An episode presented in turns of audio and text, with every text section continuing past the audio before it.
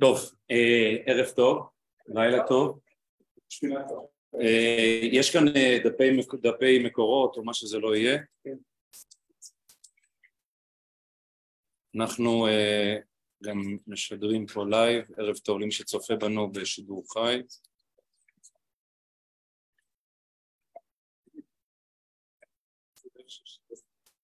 מה זה?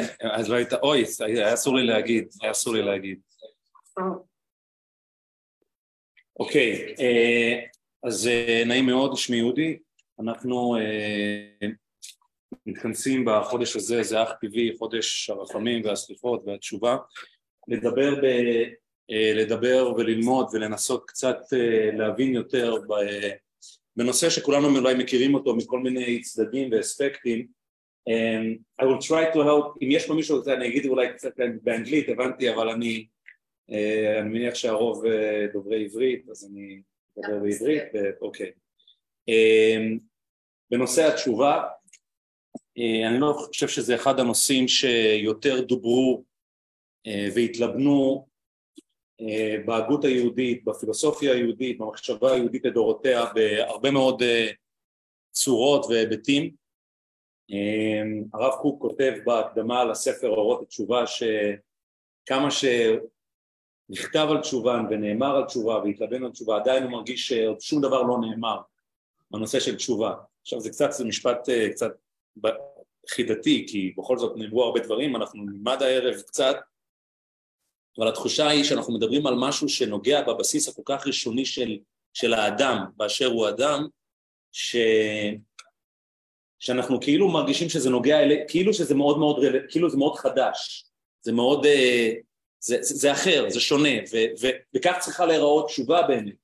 כשאנחנו מדברים עכשיו על תשובה, שאנחנו לא עכשיו נשחזר מחשבות ותפיסות ודוקטרינות ש, שהיו לנו מהעבר, ולנסות ולהבין בצורה חדשה וגם נקייה אה, אה, עד כמה שאפשר. ו... וזה הניסיון שלנו, לפחות הערב, אולי גם בערבים בהמשך, בהמשך החודש הזה, לגעת, אה, לגעת ב, בסוגיה הזאת, בנושא הזה של תשובה מכמה היבטים של הוגים שונים לאורך הדורות, אה, ולנסות ולהאיר באלף את, ה, את הנושא הזה, אצלנו בחיים שלנו לא רק מבחינה רעיונית, פילוסופית, אינטלקטואלית, גם יותר גם מבחינה מהותית, חווייתית, אה, או אולי הייתי אומר קיומית, אה, עד כמה שזה, שזה נוגע ורלוונטי אלינו. אז אה, באופן די טבעי אני חושב שהבחירה שעשיתי הייתה בחירה טבעית לפתוח במשנתו של אדם שהוא אולי ההוגה הבולט ביותר בנושא של תשובה, אה, שזה כמובן רבי משה בן מימון הרמב"ן, אה, מימונידס, ולו רק מכיוון שהרמב"ם מצא לנכון להקדיש אה, הלכות מיוחדות, מחלקה מיוחדת שעוסקת בהלכות תשובה, וכפי שאנחנו נראה בהמשך, הרמב"ם ייחס לתשובה הרבה יותר ממה שאנחנו נוהגים לייחס לתשובה, ולמעשה כמה מאבני היסוד של המחשבה הפילוסופית של הרמב"ם הוא בחר והוא מצא לנכון להכניס ולשלב ולמזג בנושא הזה תחת המטריה הזאת, תחת קורת הגג הזאת של הלכות תשובה, וזה לא דבר מובן מאליו, וזה באמת דבר שאנחנו ננסה להבין אותו אה, קצת יותר. מה יש בתפיסת התשובה של הרמב"ם שהיא הייתה כל כך, אומרים, פונדמנט, פונדמנטלית, זאת אומרת מהותית, ראשונית, עקרונית, אפילו הייתי אומר לא רק בתפיסת היהדות של הרמב"ם, אלא אפילו בתפיסת האדם, זאת אומרת האופן שבו הרמב"ם תפס את האדם. אה, אז אה, יעקב אמר לי שבעיקרון יש לנו עד זמן עד, אה, עד סליחות, עד שיבואו רבותינו ויגידו לנו שהגיע הזמן לקרוא סליחות, אבל גם אם נניח שאני אלאה אתכם עד זמן הסליחות, שאני לא יודע כמה זמן עוד יש, לפחות איזה שעה וחצי, אבל זה כמובן יהיה יומרני מדי במפגש אחד באמת לתת היקף מלא של תמונה, של הבנה על תפיסת הרמב"ם, אנחנו, אז אני כבר אומר, זה יהיה על קצה המזלג ובכל זאת בחרתי פה כמה מתוך, הנחתי גם שיהיה קשה גם למצוא פה אה, משנה תורה לרמב"ם, אולי כן אפשר, אבל ודאי לא לכמות המשתתפים שמשתתפים פה, ו- וגם בחרתי, לכל תשובה לרמב"ם זה כמדומני 12 פרקים וודאי שלא נוכל ללמוד אפילו לא פרק אחד בצורה עיונית כמו שצריך, בחרתי לכן הלכות שונות שאותם אנחנו, שבעיניי יש בהם איזשהו מדגם מייצג של מה שאני ארצה לגעת בו הערב. אז ברשותכם, הזמן קצר ואנחנו נתחיל לקרוא ודרך ה, הטקסט ננסה לפענח ולהבין קצת יותר. אז הרמב"ם כדרכו בהלכותיו למי שמכיר תמיד יש לו הקדמה, תמיד יש לו איזשהו פרולוג שהוא נותן את הכותרת, את הכותרת של ההלכות וכאן במקרה הזה הכותרת היא, היא, היא, היא עוד רגע אנחנו נראה היא מאוד מאוד משמעותית כי היא לא בהכרח תעלה בקנה אחד עם מה שהרמב"ם בעצמו יגיד בהלכות. הקדמה, הלכות תשובת מצוות עשה אחת, בהלכות תשובה יש מצווה, תמיד הוא נותן כמה מצוות עשה יש בהלכות האלה, יש מצווה אחת. מה המצווה? שישוב החוטא מחטאו לפני השם ויתוודה. אוקיי? אני כבר אגיד המילה להתוודות אולי קצת קשה במילה בשפה העברית, אז באנגלית זה um, to conform, אוקיי? Uh, confess, confess, confess, אוקיי? אנחנו מדברים על confession, אוקיי? אז confess. אז אנחנו מדברים על מהות, אז, אז אומר הרמב"ם פה לכאורה יש פה שתי פעולות, יש ישוב החוטא מחטאו לפני השם ויתוודה. אני שם את זה בסוגריים כי עוד רגע אנחנו נראה שהעלילה רק תלך ותסתבך בנקודה הזאת. וביאור מצווה זו ועיקרים הנגררים עמה בגללה בפרקים האלו. אוקיי? להלן אומר הרמב"ם, אנחנו, אני אסביר לכם, אני אבהיר לכם מה עניינה של התשובה. הלכה א', כל מצווה שבתורה כל מצוות שבתורה, בין עשה בין לא תעשה, אם עבר אדם על אחת מהם בין בזדון ובין בשגגה, כשיעשה תשובה וישוב מחטאו, חייב להתוודות לפני האל ברוך הוא. כמובן זה בדיוק השלב שכולכם אמורים להתעורר, גם אם עוד לא הגיע זמן סליחות, מכיוון שהרמב"ם פה הוא תימה גדול, והרמב"ם פה הוא פלא. כל מצוות שבתורה, בין לא תעשה בין, בין מצוות תעשה בין לא תעשה אם עבר אדם על אחת מהם בין בזדון בין בשגגה הרמב"ם היה צריך להגיד עליו לעשות תשובה והרמב"ם לא אומר עליו לעשות תשובה כשיעשה תשובה אם הוא מוצא לנכון לעשות תשובה if he will do תשובה so תשובה it's like to go back okay? to return to return I don't know if this is the right translation of תשובה but basically it means to return כשיעשה תשובה וישוב מחטאו, או אז חייב להתוודות לפני האל ברוך הוא, שנאמר איש או אישה כי יעשו וגומר ויתוודו את חטאם אשר עשו, זה וידוי דברים. וידוי זה מצוות עשה, ואז כאן עוד רגע אנחנו נגיד איך, איך, איך, איך, מהו לשון, מהו לשון הווידוי, זה לשון וידוי של מי שיישאר פה בסליחות יראה שאומרים את זה אולי אפילו יותר מפעם אחת, אולי לא בדיוק בנוסח הזה. זה, אבל פלוס מינוס אנחנו מכירים את נוסח הווידוי. בכל מקרה הרמב"ם פה הוא תמוה בכפליים. א', למה, למה הרמב"ם באמת לא אומר שמי שעובר עבירה צריך לעשות תשובה? זאת שאלה מספר אחת. ושאלה מספר שתיים, שאתם כבר אמורים כבר לדעת שזה לא עולה בקנה אחד עם דברי ההקדמה של הרמב"ם. כי הרמב"ם אמר מצוות עשה אחת והוא שישוב החוטא. אז כבר אני אגיד, צריך לדעת, במסורת הפרשנית של הרמב"ם, מסורת לימוד הרמב"ם, נהוג לראות את ההקדמה שלא כחלק אינהרנטי מההלכות. זאת אומרת, זה תופס חשיבות משנית לעומת הטקסט שהוא ההלכות עצמו. אוקיי? אתם מבינים מה אני אומר? זאת אומרת, בסופו של דבר, אם לא נצליח ליישב בין שני הטקסטים, מהו הטקסט שיגבר? זה ההלכה. נהוג לראות את, ה, את, ה, את, ה, את ההקדמה כסוג של מטה-טקסט. כן, טקסט שלפני הטקסט, שמקדים את הטקסט עצמו, ולכן הטקסט עצמו בסופו של דבר אנחנו צריכים, כשאנחנו באים להבין דעתו של הרמב"ם, שהשאלה מאוד מאוד פשוטה, האם צריך לעשות תשובה או לא צריך לעשות תשובה. עכשיו לרגע נעשה פאוס ונשאל שאלה הרבה יותר בסיסית. לא, לחתור, לחתור אנחנו מבינים, עוד רגע אנחנו לא, אוקיי, בהנחה שאנחנו יודעים שיש מושג של הכוונה חטא, אוקיי, בהנחה, כן, בהנחה שאנחנו מניחים, מקבלים שיש מושג של חטא, השאלה היא, אם יש מושג של חטא, אדם עושה חטא באופן שיטתי, אז ברור שהאידיאל שהוא, מה זאת אומרת, אם זה חטא, אז כנראה הוא צריך להפסיק, מה זאת אומרת לעשות תשובה? השאלה היא מהי בכלל, כי פה, הנה על ההתחלה אנחנו כבר מאותגרים בשאלה מה זה אומר לעשות תשובה. אם לעשות תשובה זה אומר להפסיק לחטוא, אין בזה שום חידוש. אין בזה שום דבר מיוחד, ברור שצריך להפסיק לחטוא. כי ממה נפשך? אם זה חטא, אז כדאי, שאתה, כדאי שמתישהו לא תעשה אותו. כי זה חטא. אה, אז אתה שואל, אני אומר, בהנחה שיש מושג של חטא, אוקיי?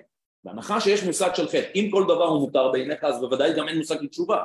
תשובה הכוונה שיש חטא, שיש טוב ויש רע, ואתה נוטה מדרך הרע אל דרך הטוב. אתה מחליט לזנוח את דרך הרע, ואתה עובר לדרך הטוב. אם בעיניך הכל טוב, אז הכל טוב. בוודאי שאין לך לאיפה לשוב. אתה נמצא במקום הנכון. ההנחה היא... בבקשה. מה ההשלכות שלהם? שוב, את שוב לוקחת את השאלה לשאלה מהו חטא ומה התוצאות או ההשלכות או האימפקט של החטא. הן שאלות נכונות, אבל בהנחה שיש, הרמב"ם לא בא כרגע ללמוד אותנו מהו חטא, אגב הרמב"ם מדבר על מושג החטא בהמשך, אנחנו נדבר באמת, צריך, צריך לדבר על מושג החטא. אנחנו נניח כאקסיומה שיש חטא ושיש דבר שהוא רע, בין אם זה רע מבחינה מוסרית, בין אם זה רע מבחינה דתית, בין אם זה רע מבחינה חברתית, יש רע, יש דבר שהוא שלילי, עזבו את המילה אולי רע זו מילה גדולה מדי, יש רע ויש טוב, וכשהאדם... יש טוב. יש רע ויש... יש טוב ויש טוב. כן, יש טוב ויש, ויש פחות טוב, בסדר? אוקיי. ואז נשאלת שוב השאלה, מה בעצם עניינה של התשובה? מה בעצם עניינה של התשובה? ברור שאדם הוא לא אמור להמשיך לחטוא, אלא מה? תשובה כנראה יש בה איזושהי קונוטציה, איזשהו הקשר של תיקון. זאת אומרת שאני לא רק מפסיק, לא רק חדל לעשות רע ולצורך העניין מעכשיו מתחיל לעשות טוב, אלא אני אפילו במובן מסוים מתקן את הקלקול, אפרופו מה שאמרת, ההשלכות, כן, האימפקט של החטא, זאת אומרת אני נוגע, אני מתייחס כבר אל החטא, כי כשאני מחליט לעבור מדרך אחת לדרך שנייה, בעצם הדרך האחת נשארה איפה שהיא הייתה, והיא קיימת או לא קיימת איפשהו ועוד רגע נראה, כי זה כבר מתחיל להתכתב עם מושג הווידוי, ואז אני עובר לדרך אחרת. עכשיו מקובל לחשוב, אם עכשיו הייתי עכשיו עוצר ברחוב, הייתי שואל סתם אנשים בצורה אקראית, מהי תשובה בעיניכם, אפילו פה עושה סקר, נראה לי שהתשובה שהייתם אומרים שהאדם מתקן את מעשיו, זה לא רק משנה את מעשיו, שזה הבדל גדול בין לשנות לבין לתקן. לשנות את מעשיו זה כמו שאדם עובר דירה, אז הוא עובר מהטוב אל הרע, אז הוא החליף כתובת. אבל כשהוא מתקן את מעשיו הוא לא עובר דירה, הוא נשאר בדירה שבה הוא נמצא והוא בוחר לתקן את הדירה המקולקלת. הוא לא בוחר פשוט לעבור לדירה אחרת, שאז הוא פשוט משנה פאזה. אוקיי? זה עדיין נראה לי חלק מהמושכל הראשון של תשובה, אנחנו מתקנים, שפרו מעשיכם. זאת אומרת, יש פה כבר אלמנט שהוא לא רק אלמנט שאנחנו עושים שיף בחיים שלנו, אלא אנחנו כבר מתייחסים אל הקלקול. ואז נשאלת השאלה איך אפשר להתייחס אל הקלקול. הקלקול הוא קלקול. אנחנו מקסימום יכולים באמת לכאורה לעשות שינוי. כן, שזה, שזה, ואז נשאלת השאלה כבר הפוכה, מה בעצם המשמעות איך באמת התשובה יש לה ניחנה בכוח של תיקון. בכל מקרה, אם אני לרגע חוזר לדברי הרמב"ם, בדברי הרמב"ם באופן די ברור ומובהק, התשובה מופיעה כדבר, הייתי אומר וולנטרי, כשיעשה תשובה. עכשיו כמובן שזה לא דבר שהוא וולנטרי, כי אנחנו יכולים מי שאם אתם רוצים, יכולים כבר להציץ בהלכות הבאות, לצורך העניין הדף הבא, אה, פרק ב', כן, ההלכות של פרק ב', אמ, אתם יודעים מה, סליחה, אל תעברו, לא צריך אפילו פרק ב', הלכה ג', כן, הלכה ג', בדף הראשון שיש לכם, בזמן הזה שאין בית המקדש קיים ואין לנו מזבח הכפרה, אין שם אלא תשובה, התשובה מכפרת על כל העבירות, אפילו רשע כל ימיו ועשה תשובה באחרונה, אין מזכירים לו שום דבר מרשעו. אנחנו נחזור לדברי הרמב"ם עליו, אני רק רוצה שתראו אני יכול לתת לכם עוד מאה דוגמאות אחרות. בוודאי שלא מדובר במשהו וולנטרי, במובן הפשוט, כן? לא מדובר באיזשהו מעשה של התנדבות שבן אדם מוכן לעשות תשובה, הוא אומר שכשאתה תעשה תשובה כדאי שיהיה שם בידוד. יש כאן ללא ספק ברמב"ם ניסיון כבר על ההתחלה להגדיר בעבורנו את מושג התשובה דרך מושג הווידוי. וברור שבעיני הרמב"ם כאשר אנחנו באים להבין את עניינה של התשובה, עלינו בראש ובראשונה לפענח את סודה של הווידוי. עכשיו לכאורה הווידוי הוא הפעולה הכי קלה שיש. כי אם אנחנו רוצים לראות מה זה, אפרופו אגב התשובה, פה אני כבר כן אומר, אומר לכם, תעברו רגע לפרק ג', לפרק ב', הלכה א', איזוהי תשובה גמורה, זה שבא לידו דבר שעבר ואפשר בידו לעשותו, הוא פירש ולא עשה מן התשובה. ולא מיראה ולא מכישלון כוח, כיצד בעל אישה בעבירה לך נתייחד עמה ועומד באהבתה, אדם, כן, אדם יש לו איזו אהבה גדולה עם חס וחלילה, עם אישה ש... עם אישה ש... עם, עם, באהבה אסורה, ואומר הרמב"ם לאחר זמן נתייחד עמה והוא עומד באהבתו ועדיין יש לו את אותו עוצמה של אהבה כלפיה. הוא בכוח גופו, זה לא חסר לו שום דבר מבחינה גופנית והם נמצאים באותו מקום במדינה שעבר, הוא פירש ולא עבר, זהו בעל תשובה גמורה. הרי שלמה אומר, זאת אומרת, או, לפ, או, או תעברו לצורך העניין להלכה ב', ומהי התשובה? שיעזוב החוטא חטאו ויסירו ממחשבתו ויגמור בליבו שלא יעשהו עוד. שנאמר יעזוב רשע דרכו ואיש אבן מחשבותיו. וכן יתנחם על שעבר שנאמר כי אחרי שובי נחמתי ויעיד עליו. עכשיו שימו לב רק את המשפט. איזה משפט יומרני הרמב"ם אומר. מה צריך להיות בשביל להיות במעמד הזה, במקום הזה, במצב התודעתי, הנפשי הזה, הרוחני הזה, שנקרא תשובה, יעיד עליו יודע תעלומות, כן? כביכול אלוהים בעצמו, הקדוש ברוך הוא בעצמו צריך להעיד עליו שמה שלא ישוב לזה החטא, מישהו פה יכול בכלל לעמוד במקום כזה שהוא יש, שיודע תעלומות, מעיד שהאדם הזה לא יחזור לחטא הזה לעולם? שנאמר ולא נאמר עוד אלוהינו למעשה ידינו. ואז מוסיף הרמב"ם, ובכוונה הדגשתי לכם את זה, וצריך להתוודות בשפתיו ולומר עניינות אלו שגמר בליבו. שנייה, רק דקה יהודה. צריך להתוודות בשפתיו ולומר מה גמר בליבו. הווידוי על פניו הוא שום דבר. התוודעתי, אוקיי, אמרתי משהו.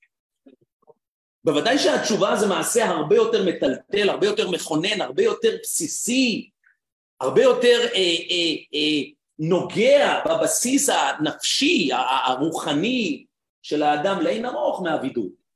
ובכל זאת, הנה, ודווקא פה בכוונה הדגשתי את זה בשביל להמחיש את, ה, את הפרדוקס, אפילו הייתי אומר את האבסורד, מכיוון שמצד אחד התשובה זה כזה דבר גדול, כזה דבר יומרני, שמי בכלל יכול לעמוד במקום הזה של תשובה, ולא לחינם חכמים אומרים במקום שבעלי תשובה עומדים צדיקים גמורים לא יכולים לעמוד. זה מין איזשהו מעמד רוחני שהוא מעמד רוחני עליון שמי יודע בכלל שצדיקים גמורים לא עומדים במקום הזה?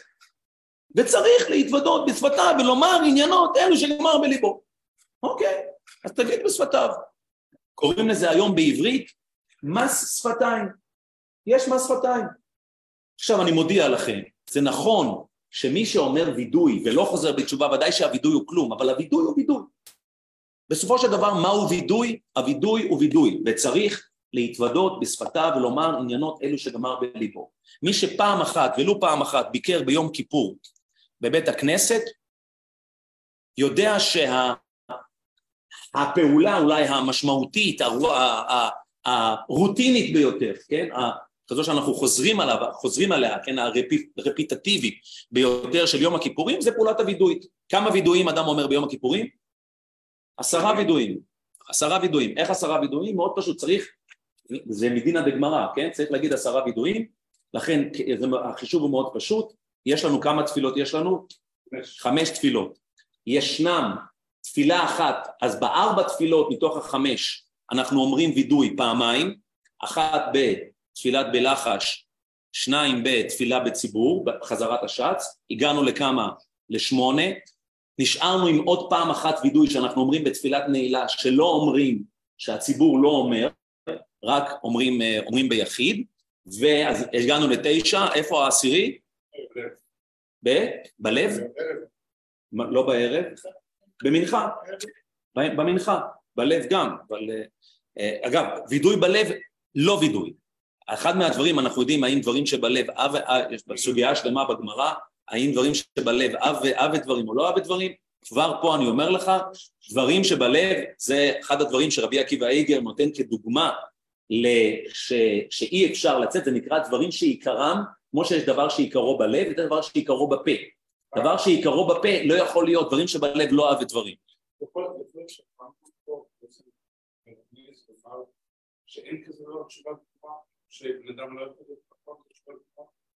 הערה מעניינת, נכון.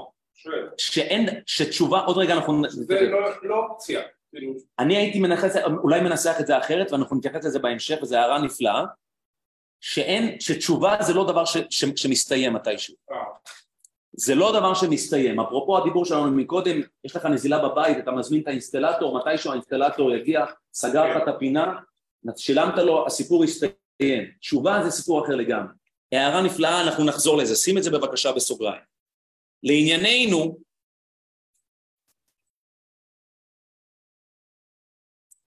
ובכל זאת הרמב"ם מוצא לנכון להפוך את הווידוי לגולת הכותרת. אז פה אני רוצה לרגע לנסות קצת להבין מה, מה בעצם משמעותו של הווידוי. מה בעצם משמעותו של הווידוי? כפי שנתתי לכם להבין, בראייתו של הרמב"ם, ובהמשך אנחנו נראה את זה בהלכות הבאות, הסיפור הזה של תשובה לא פחות ממה שהוא סיפור של האופן שבו האדם מסוגל לתקן את חטאיו, לא פחות ממה שהוא סיפור של הקהילה מסוגלת לתקן את חטאיה, זה סיפור שנוגע, זה דבר שהוא נוגע בבסיס הכי ראשוני של ההיות של האדם עלי אדם. כשאנחנו באים לדבר על תשובה, אנחנו בעצם בראייתו של הרמב"ם באים לדבר על האדם כפי שהוא נתפס בראייה הדתית. לדבר על מושג האדם. ואי אפשר לדבר על מושג האדם מבלי לדבר על מושג הבחירה. או אם תרצו, על מושג החירות. הדרך, זאת אומרת, השאלה הכי ראשונית שנשאלת לגבי מושג האדם נוגעת בשאלת עצמאות האדם. האדם כאדם יחיד, האדם כאדם אוטונומי, האדם כאדם שעומד מול עצמו ובו זמנית עומד מול, מול אלוהים. הווה אומר, הוא עומד מול חירותו, הוא עומד מול תפיסה עצמית, חירותית, אוטונומית שיש לו, שמזהה את עצמו כמקור הסמכות, כן? מזהה את עצמו כמקור הסמכות, ובו זמנית הוא מכיר במקור סמכות שהוא מעבר אליו, מקור סמכות שהוא לא הוא. בעיני הרמב"ם כל סוגיית התשובה, אי אפשר לדבר על סוגיית התשובה במנותק מהשאלה הראשונית הזאת. ולחילופין גם ההפך. אי אפשר לדבר על הסוגיה של מושג החירות, ולחילופין מושג האין חירות אולי, קוראים לזה דטרמיניזם, כן? האין חירות, העובדה שהכל צפוי, מצד שני, הרשות נתונה. בעיני הרמב"ם אי אפשר לדבר על שתי הסוגיות הללו במנותק זו מזו. איך אני יודע? הרמב"ם, מי שמכיר את הלכותיו של הרמב"ם, בנה את הספר שלו, משנה תורה, שהחלק הראשון הוא הלכות יסודי התורה, ואז יש, הלכות יסודי התורה הן הלכות שנוגעות ל... אה, הלכות שנוגעות ל... ליסודות האמונה, יסודות האמונה. שם יש מדע, כן, מה? כן, וזה בספר מדע. ואז יש ספר המצוות, דהיינו ספר שנקרא אהבה, שעוסק כבר בקשר של האדם באמצעות המצוות, ובאהבה יש את, יש את הלכות תשובה. והרמב"ם דווקא בהלכות תשובה בוחר לשים את הסוגיה הזאת, שהיא הייתי ללא ספק, היא אחת מהסוגיות הכי בסיסיות, הכי ראשוניות, שכל אדם, גם אם הוא דתי, גם אם הוא לא דתי, אמור לשאול את עצמו את השאלה הזאת, מה המשמעות של החירות שלי, מה המשמעות של העצמאות שלי, מה המשמעות של האחריות שלי. כמובן שאם אין לנו מושג של עצמאות ואין לנו מושג של חירות, ממילא גם אין לנו מושג של מה? של אחריות. אם אין מושג של אחריות, גם אין מושג של קלקול. אם אין מושג של קלקול, אין מושג של תיקון. כן, זה בהחלט סוגיות שהולכות ומשתלשלות זו מזו. אבל הרמב"ם, במקום לקחת את הסוגיה הזאת ולשים אותה בהלכות יסודי התורה של באמת הדברים הפילוסופיים, התיאולוגיים הראשוניים ביותר, את הסוגיה הזאת הוא מוצא לנכון לשים בהיכן? בהלכות תשובה. אתם מוזמנים להפוך דף, אני מתנצל ששכחתי למספר את הדפים, ואני קפצתי פה בנקודה הזאת לפרק ה' פרק ה' הלכה א', רבי יעקב אתה רוצה אולי לקרוא? קדימה.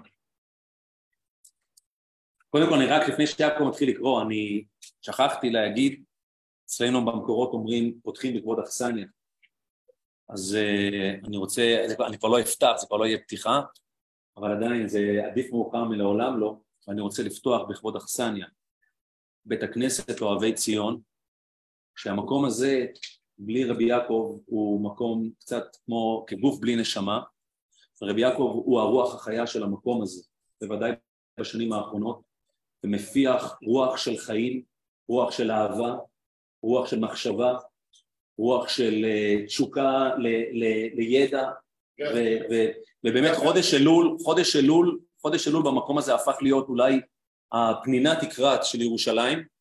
רבי יעקב, תודה רבה לך בכלל על, על, על כל מה שאתה עושה, ותודה שהזמנת אותי ונתת לי גם את הזכות, אז אה, זה, זה, זה, זה הזמן לומר. תקרא רבי יעקב.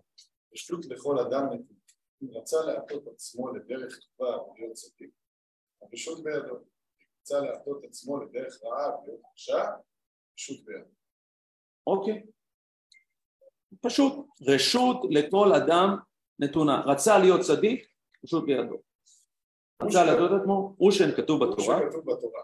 אין האדם היה כאחד ממנו לדעת טוב ורע. כלומר, מין זה של אדם היה יחיד בעולם, ואין מין שני דומה וזה העניין, שיהיה הוא מעצמו בדעתו ובמחשבתו, יודע הטוב והרע, ועושה כל מה שהוא חפץ, ואין מי שיעכב בידו מלעשות טוב או הרע, כיוון שכן הוא בן ישתנה. אוקיי, הפלא ופלא, פה אני חייב להגיד, הרמב"ם קורץ לנו, מרמז כך בקריצה, לאחד מהפרקים המרתקים ביותר בספר הפילוסופי של הרמב"ם, אמנם הטקסט הזה הוא טקסט פילוסופי, אבל הוא טקסט פילוסופי יותר, יותר שזמין לכל נפש, הטקסט הפילוסופי היותר כבד ומשמעותי של הרמב"ם הוא כמובן הספר אה, מורה נבוכים, ובמורה נבוכים אחד הפרקים הראשונים והם הפרקים המרתקים ביותר ברמב"ם, שהרמב"ם אומר שאחד מהחכמים, החכמים המוסלמים אה, שאל אותו שאל אותו את השאלה שהרמב"ם מביא על ההתחלה, איך יכול להיות שהאדם למעשה, כאשר הוא חוטא בחטא באכילה מעץ הדעת, הוא למעשה זוכה במקום לעונש, הוא זוכה לשדרוג. למה הוא זוכה לשדרוג? כי כתוב, ורמב"ם מביא את זה פה. כתוב, הוא מביא את הפסוק פה, אין האדם היה כאחד מאיתנו. מי אומר את זה? הקדוש ברוך הוא אומר את זה. וייתם כאלוהים יודעי טוב ורע. מה, להיות כמו, כמו אלוהים זה לא שדרוג?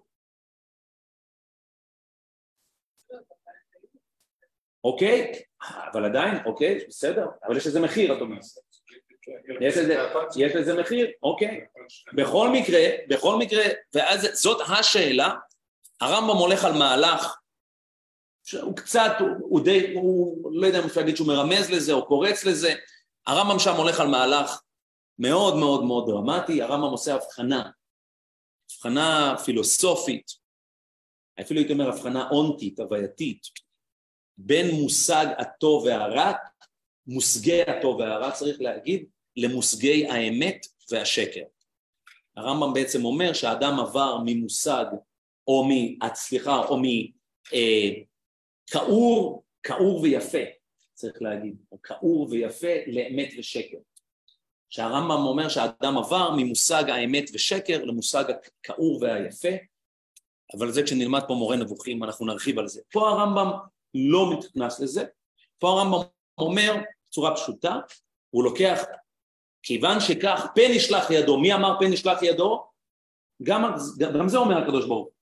גם זה אומר הקדוש ברוך הוא, פן ישלח ידו, ואומר הקדוש ברוך הוא חושש שעוד רגע יש לו קונקורנ, קונקורנציה, כן? יש לו אה, אה, תחרות, כן? יש לו, יש לו תחרות, ולכן לכן אוי ואבוי אם, אם אין האדם היה כאחד מאיתנו. בכל מקרה, מזה הרמב"ם מסיק שחד משמעית האדם הוא זה שקובע לעצמו האם הוא יעשה טוב או האם הוא יעשה רע. ומהבחינה הזאת, אומר הרמב"ם, זה למעשה מה שמבדיל את האדם מכל המינים האחרים. איפה הוא אומר את זה? אומר לידיה. אין מין זה של האדם יחיד, היה יחיד בעולם, ואין מין שני דומה לו בזה העניין. במה?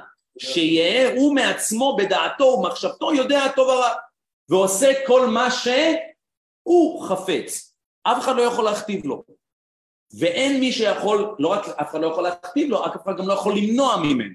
עכשיו, מה בעצם קורה כשאנחנו כן מונעים מאנשים אחרים לעשות משהו? זה יכול להיות בכמה, בכמה, בכמה סיטואציות.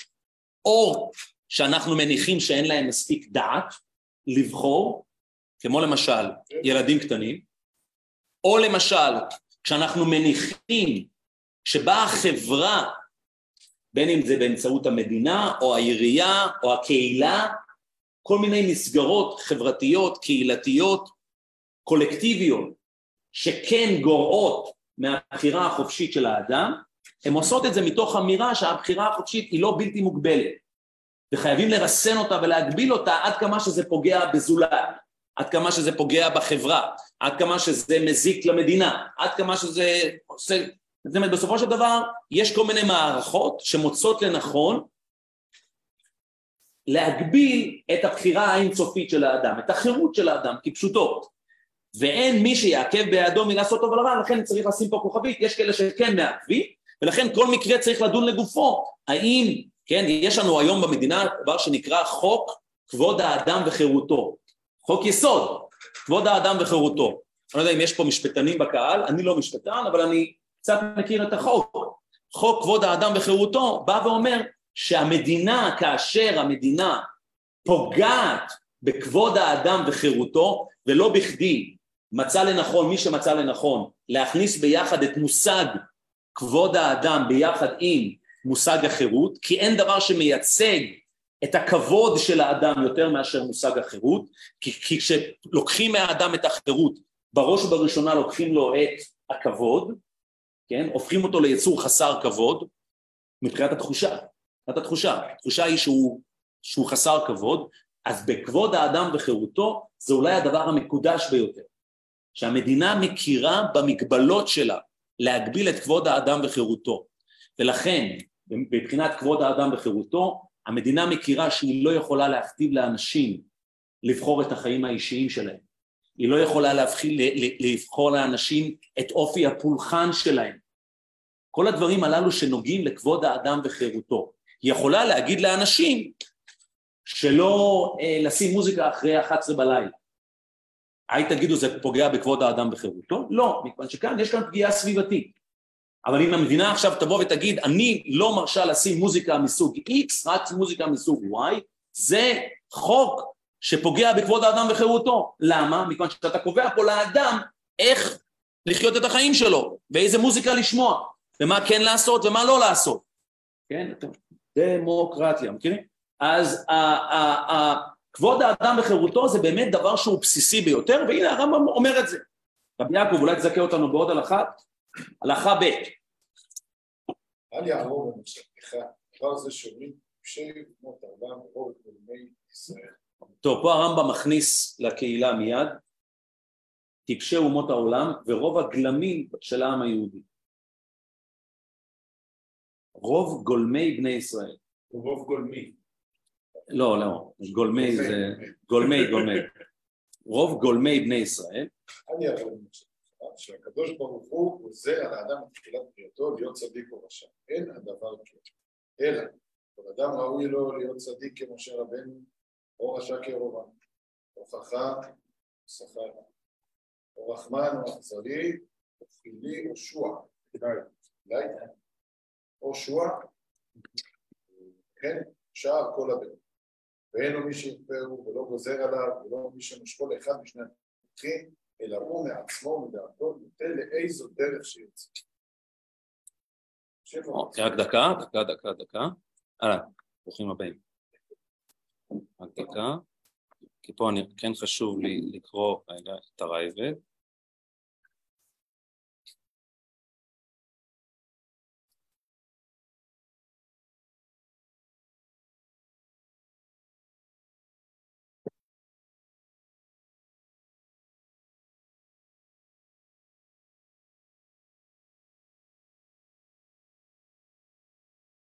בכל מקרה, אני מנסה למצוא פה את ההגאות, אם יש פה אה, ספר של רמב"ם, לא תמצא פה רמב"ם? אה, לא, סידון, כן, לא, אני מנסה, אמור להיות פה ב... כמעט דקה, כן, רגע, כן, כן, שנייה, נמצא את זה בסוף.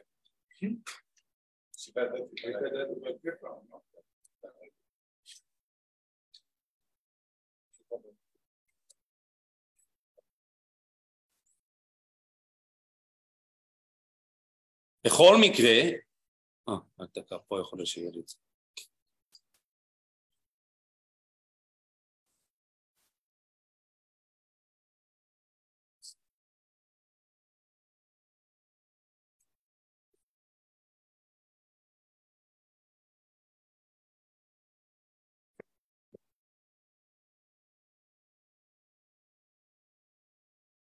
טוב, אני, אני, אבקש, אני אבקש עכשיו, אה, אה אני חושב שלא הבאתי את זה, רק דקה, כן, רק דקה, לא, בסדר, בסדר, יש, יש לי את זה, יש לי את זה.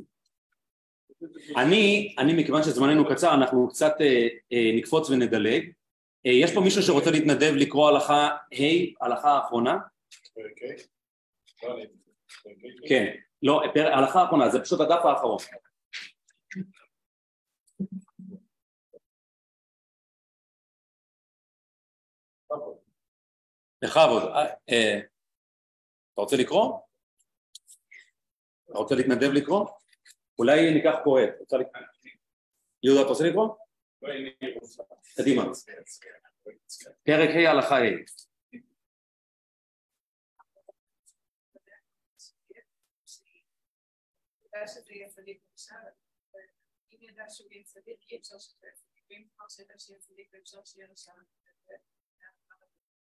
אוקיי, רגע, אני רוצה לשים רגע נקודה.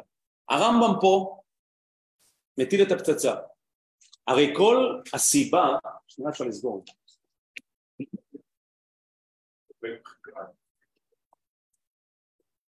הרמב"ם פה מטיל את הפצצה. הרי הרמב"ם בהתחלה, סליחה שאני קצת אולי אשתמש במינוח הזה, קצת היתמם. כשהרמב"ם קרא לאלה שאומרים שאין בחירה, הוא קורא להם גלמים, טיפשים, יש פה קצת היתממות, הרי הסיבה שאותם גלמים או טיפשים כביכול, כביכול שוללים את מושג הבחירה היא לא נובעת מזה שיש להם פרשנות אחרת לפרשת בראשית או שהם טיפשים באמת בהכרח כמו שאומר יהודה. היא נובעת מזה שיש להם טיעון אמיתי. הטיעון אמיתי הוא אחד מהשניים. או שאתה מאמין באדם או שאתה מאמין באלוהים. למעשה המאה ה-19 או המאה ה-18 או המאה ה-18, אנחנו מסתכלים, נתחיל כבר מהמאה ה-18 אולי אפילו מהמאה ה-17, כשמסתכלים על מסע, על הסיפור של החילון, על הסיפור של החילון בשלוש מאות השנים האחרונות, או בארבע מאות השנים האחרונות, הסיפור של החילון יותר ממה שהוא סיפור של שלילת האל, הוא סיפור של העצמת האדם. ככל שהאדם הפך להיות יותר דומיננטי, כן, שכותב קאנט בתחילת המאה ה-19 את ביקורת התבונה הטהורה, ובעצם שם בעצם בביקורת התבונה, ב, ב, ב, ב, במחשבה, בביקורת, כן, ביכולת הביקורת של התבונה, שעל פי יישק דבר, בשאלת הטוב והרע, הוא לא בא לשלול את קיומו של האל, הוא גם לא נכנס לזה.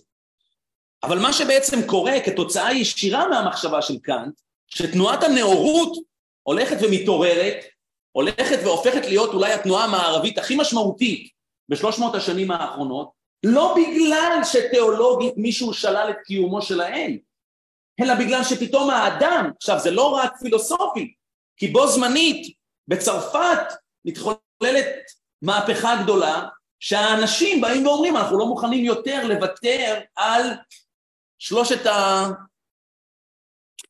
שלושת המושגים שמכוננים את מושג האדם, שוויון, אחווה וחירות, או בצרפתית, לגליטה, איך? ליבר... בדיוק, אז בראש ובראשונה ליברטה, חירות. עכשיו הם לא באים לתפור באלוהים, הם לא באים בהכרח, הם גם לא נכנסים לעניין הזה. אבל תנועת החילון קורית כי האדם הפך להיות אדם עצמאי, וכשאדם הוא אדם עצמאי בהכרח שלטון הדת, בין אם זה שלטון הדת, בין אם זה שלטון הקיסר, בין אם זה שלטון המשפחות אה, אה, האצולה, זה לא משנה. בסופו של דבר כשהאדם קורא תיגר כנגד כל מה שמגביל את חירותו, ממילא גם האל נמצא שם, או שליחי האל, זה לא משנה. זאת אומרת, מה שאני בעצם מנסה לומר, שכאשר אתה מאמץ את מושג האדם במובנו היחידאי, במובנו החירותי, אז כתמונת השליל, כתמונת נגטיב, המשמעות היא שיש פה תנועה של חילון. יש פה תנועה שהולכת ומתרחקת מהזיקה הבלתי אמצעית אל, הד... אל, אל, אל האל. ולכן כשהרמב"ם בא, הנה עכשיו הרמב"ם 700-800 שנה קודם, אז אמנם אין את כל האירוע הגדול, גם לא, לא מבחינה פילוסופית ובוודאי לא מבחינה תרבותית, מבחינה חברתית, זה רחוק מאוד מזה. אבל הרמב"ם נוגע בשאלה הזאת. שמא תאמר, מה זאת אומרת שמא תאמר? ברור שזה הטיעון של אלה שבאים ואומרים, הרי באים האנשים האלה באים ואומרים, הרמב"ם, אתה אדם דתי, איך אתה יכול לקבל את מושג הבחירה? עכשיו, יש פה, יש פה בעיה לא פשוטה, כי אם אנחנו שוללים את בעיית הבחירה, אז גם אין משמעות לדת. זאת אומרת, בסופו של דבר הדת מייצגת את הקונפליקט הבלתי פתור הזה. וזה באמת קונפליקט בלתי פתור, והראשון שאומר לנו שזה קונפליקט בלתי פתור זה הרמב"ם בעצמו. מה שמך? צביה. אז צביה, את רוצה להמשיך ולקרוא לנו? אוקיי, אה, אז יהודה בבקשה. דע שתשובת שאלה זו ארוכה מארץ מידה ורחבה מיני ים, וכמה עיקרים גדולים ורבים תלויים בה. אבל צריך אתה לידע ולהבין בדבר הזה שאני אומר. כבר ביארנו בפרק שני בעקבות יסודי התורה שהקדוש ברוך הוא אינו יודע נדע שהיא חוץ ממנו. כבני האדם שהם בדעתם שנים. שונים. שונים. אולי הוא יתעלה אלא. אלא הוא יתעלה שמו בדעתו אחד ואין דעתו של אדם יכולה להשיג דבר זה על בריאות. וכשם שאין כוח באדם להשיג ולמצוא אמיתת הבורא שנאמר כי לא יראני אדם וחי, אין כוח באדם להשיג ולמצוא דעתו של בורא. הוא שהנביא אמר כי לא מחשבותיי מחשבותיכם ולא דרככם דרכיי מומש. וכיוון שכן הוא אין בנו כוח לידע איך ידע הקדוש ברוך הוא כל הברואים והמעשים. אבל נדע בלא ספק שמעשה אדם ביד אדם ואין הקדוש ברוך הוא מושכו ולא גוזר עליו לעשות כך ולא מפני קבלת הדת בלבד נודע דבר זה אלא בראיות ברורות מדברי החוכמה. לפני זה נאמר בנבואה דנים את האדם על מעשיו כפי מעשיו, אם טוב ואם רע, וזהו העיקר שכל דברי הנבואה תלויים. אוקיי, טוב, אנחנו ננסה איכשהו להתחיל לפענח דברי הרמב"ם, אבל חשוב לי להגיד עוד קודם משהו שלא הדגשתי, כשאנחנו מדברים על הקונפליקט ומה שנקרא בשפה הדתית בין ידיעה לבין בחירה, אפשר לנסח את זה בצורה אחרת. יש פה שתי כוחות שמתמודדים, שני כוחות שמתמודדים אחד כנגד השני. יסוד האמונה הדתית זה שהקדוש ברוך הוא הוא אינסופי, נכון? זה היסוד הכי בסיסי. היסוד של האינסופיות של אלוהים זה היסוד אולי הכי חשוב באמונה היהודית. כי אם, כי אם הקדוש ברוך הוא סופי חס וחלילה המשמעות היא שהוא שניים. זאת אומרת שהקדוש ברוך הוא כאילו נגמר ואז יש משהו אחר. זאת אומרת שיש אלמנט של שניות, יש אלמנט של שניות. אם הקדוש ברוך הוא אינסופי, המשמעות היא שמה שנקרא מלוא כל הארץ כבודו, והידיעה שלו היא אינסופית, וכשאנחנו מעניקים לישות כלשהי כמה ישויות? בלי סוף. בחדר הזה עכשיו יושבים עשרה אנשים, אז עשרה אנשים, כל אחד הוא ישות בפני עצמה. כשאנחנו מעניקים לאדם את את, את, את, את החירות, כשאנחנו מעניקים לאדם את האוטונומיה, את העצמאות, המשמעות היא שהוא נמצא בתוך איזשהו חלל הרמטי שאף אחד לא יכול לחדור אליו, כולל הקדוש ברוך הוא. מה שנקרא בשפת החכמים, הכל בידי שמיים חוץ מיראת שמיים. הווה אומר, שם הקדוש ברוך הוא מסתכל, אומר, בסדר, על זה אני לא יכול להשפיע. אם הוא לא יכול להשפיע, המשמעות היא שהוא מוגבל. נקודה. המשמעות היא שהוא, המשמעות שהקדוש ברוך הוא מוגבל, ואם הוא מוגבל יש פה אלמנט של שניות, אי אפשר, אין שום דרך אחרת לפתור את זה. והקונפליקט הזה הוא קונפליקט כל כך בסיסי וכל כך ראשוני. עד, מה זה? חוט מצינים ופחים, נכון. נכון, כן, נכון, נכון, אבל זה משהו אחר, נכון. בכל מקרה, יש פה קונפליקט. הקונפליקט הזה הוא כל כך עמוק וכל כך בסיסי, שמי שמגיע, מי שבן דורו של, לא רק בן דורו, יותר מבוגר ממנו בשלושים שנה, שהיה דרך מבחינתו שדווקא נתן הסכמה לרמב"ם, היה רבי אברהם בן דוד, הידוע בשמו הראב"ד, כן, במאה ה-12 בספרד, והוא כועס מאוד על הרמב"ם. כועס מאוד על הרמב"ם, והוא כותב כך: אמר אברהם, לא נהג זה המחבר מנהג חכמים, שאין אדם מתחיל בדבר ולא יודע איך להשלימו. אתה פותח בעיה, ואתה, אתה, הפתרון שאתה מציע הוא לא פתרון שעונה על כל הבעיה, הקושייה הרבה יותר אה, טובה וברורה ונהירה מהתשובה, שאין אדם מתחיל בדבר שאין הוא יודע איך להשלימו. הוא החל בקושיות והניח הדבר בקושיו והחזירו לאמונה. אתה שאלת קושייה, קושייה לוגית, קושייה מהמקום הרציונלי, מהמקום הפילוסופי. ומה התשובה של הרמב"ם?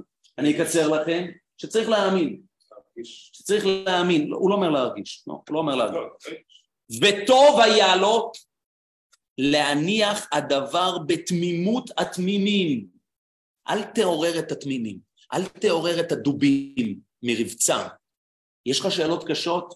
תשאיר אותם לעצמך. אתה בוחר לכתוב ספר ולהפוך אותו לרב-מכר הגדול ביותר של העם היהודי בשמונה מאות השנים האחרונות, אז תציג בבקשה את התשובה בצורה ראויה. אם אין לך תשובה שהיא באמת תשובה מושכלת ראויה, תשאיר את השאלות לעצמך. וטוב היה לו להניח הדבר בתמימות התמימים ולא יעורר ליבם ויניח דעתם בספק. ואולי, אומר הרייבד, שעה אחת יבוא ערעור בליבם על זה, וה... ש... ומי יודע לאיפה הם ייקחו את זה. אולי הם יחליטו מה שעשו אחרי זה, 600 שנה לאחר מכן. גמרנו, האדם הוא חירות, ו... ובסוף המאה ה-19 בא פילוסוף בשם קראו לו פרידריך ניטשה, והכריז שהסיפור של, של, של אלוהים נגמר, מת. ומה, ו, ו, ו, ואיך הוא קרא לזה? הוא קרא לזה הרצון לעוצמה, הרצון לעוצמה של האדם. כן, זה היה הרצון לעוצמה. כן, כל הספר, הוא כתב ספר, לספר קוראים כה אמר זרטוסטרה. כל הספר של זרטוסטרה זה האדם שיורד מההר, והוא האדם באמת העצמאי. הוא האדם שמראה לכולם שהם מריונטות על חוטים שמושכים בהם ומספרים להם סיפורים ומורחים אותם בפנטזיות, אבל אני אראה לכם, ואז הוא מנתץ את כל האלים, ממש קצת מזכיר את אברהם אבינו, שמגיע ושובר את כל האלילים ואת כל הפסילים, ומראה שהכל הבל ורעות רוח, והנה זה החירות, זה המעבר לטוב הרע, אוקיי? זה, ה... זה באמת מאה שנים לאחר מכן. מה קרה אחרי זה, זה כבר עוד סיפור. אבל אני אומר פה, זה לא רק הסיפור הפילוסופי, זה באמת הסיפור של התרבות המערבית. אי אפשר להבין את החיים שאנחנו חיים. הרב קוק, בתחילת המאה העשרים, הופך את כל זה, על, ממש, הופך את זה על פניו. כותב ספר שנקרא בעקבי הדור, או מאמר הדור, סליחה, בעקבי הצאן, מאמר הדור, שבעצם הוא מראה שכל התהליך חילון הוא בעצם התהליך של ההגדרה מחדש של הנוכחות של אלוהים עלי אדמות במובן הגאולתי. והוא לוקח ורותם כמובן את כל הסיפור הציוני, הוא בא ואומר הציונות לא יכולה לחול, לא יכולה להתכונן על ידי אנשים שהם לא אנשים עצמאיים, הם לא אנשים מורדים, הם לא האדם המורד של אלבר קאמי, מי שמכיר. אנחנו צריכים את, ה, את, ה, את ה, תנועת המרד הזאת. הרב קוק היחיד, הוא התיאולוג הראשון, אחרי הרבה מאוד שנים, הוא גם, במובן מסוים הוא גם התיאולוג לא רק היהודי הראשון שעושה את המהלך הזה. קירקגור עושה את זה קצת לפניו, עושה את זה לא קצת, עושה את זה בזה, אבל בצורה אחרת. אבל פה הרב קוק באמת, הרב קוק אומר שזה לכתחילה. הרב קוק באמת אומר, זה, זה מהות הגאולה, שהאדם יבוא וימרוד וכביכול יחתוך לעצמו את החוטים ש, שמושכים אותו, כן, מלמעלה. בכל מקרה, נחזור רגע למאה ה-12 לספרד, אומר הרייבד, או מהמאה ה-13, תחילת מאה ה-13, טוב היה לו, אומר הרמב"ם, להניח הדבר בתמימות התמימים ולא יעורר ליבם ויניח דעתם בספק, ואולי שעה אחת יבוא ערעור בליבם על זה. ואף על פי שאין תשובה ניצחת על זה, טוב הוא לסמוך לו קצת תשובה. טוב, עכשיו פה הרב יד בעצמו מנסה לתת תשובה, אני חייב להגיד את התשובה של הרמב"ם קצת, אפילו יותר טובה משלו. אבל מה שאני רוצה להגיד, אם אתם זוכרים, הרי לא פתחנו בנושא הזה. אנחנו פתחנו בנושא של תשובה עם דגש על הנושא של הווידוי. אם הייתי שואל אתכם היום, אם אנחנו נמצאים בחודש אלול, זה לקראת סוף שנה. לקראת סוף השנה היהודית, לא האזרחית. לא שנת המס. אם יש, יש, יש, הרי בסופו של דבר אנחנו מדברים על תשובה ומדברים על קלקול, אף אחד לא בינינו הוא לא באמת אדם, לא, לא נראה לי, לא, לא, אני לא מכיר, לא התקלתי באמת אנשים רעים לתכלית שאפשר להגיד שהם... בסופו של דבר אני חושב שיש שני אלמנטים שעושים אותנו לאנשים ממש לא רעים, עושים אותנו לאנשים לא מושלמים, או אנשים לא רק שלא מושלמים, אנשים לא טובים כמו שהיינו רוצים להיות. האלמנט האחד, הייתי קורא לו קהות חושים. קהות חושים. אנחנו חיים בלי מודעות. חיים בלי מודעות. והאלמנט השני, פשוט חיים, פשוט חיים. האלמנט השני הוא לא לגמרי לא קשור לאלמנט הראשון, וזה אלמנט שהייתי קורא לו אלמנט הזמן, או אלמנט ההרגל. כי זמן והרגל זה היינו הך. אתה לא יכול, אם אין לך זמן, אתה לא יכול להתרגל למשהו. להתרגל זה כשאתה עושה משהו באופן רוטיני, על פני תקופה. אחד מתרגל על פני חודש, השני על פני שבוע, השני מתרגל. עכשיו בסופו של דבר, האמת שזה, אפשר לחלוטין לזהות את זה כאלמנט אחד. אנחנו חיים כי אנחנו חיים, כי אנחנו חיים, כי אנחנו חיים.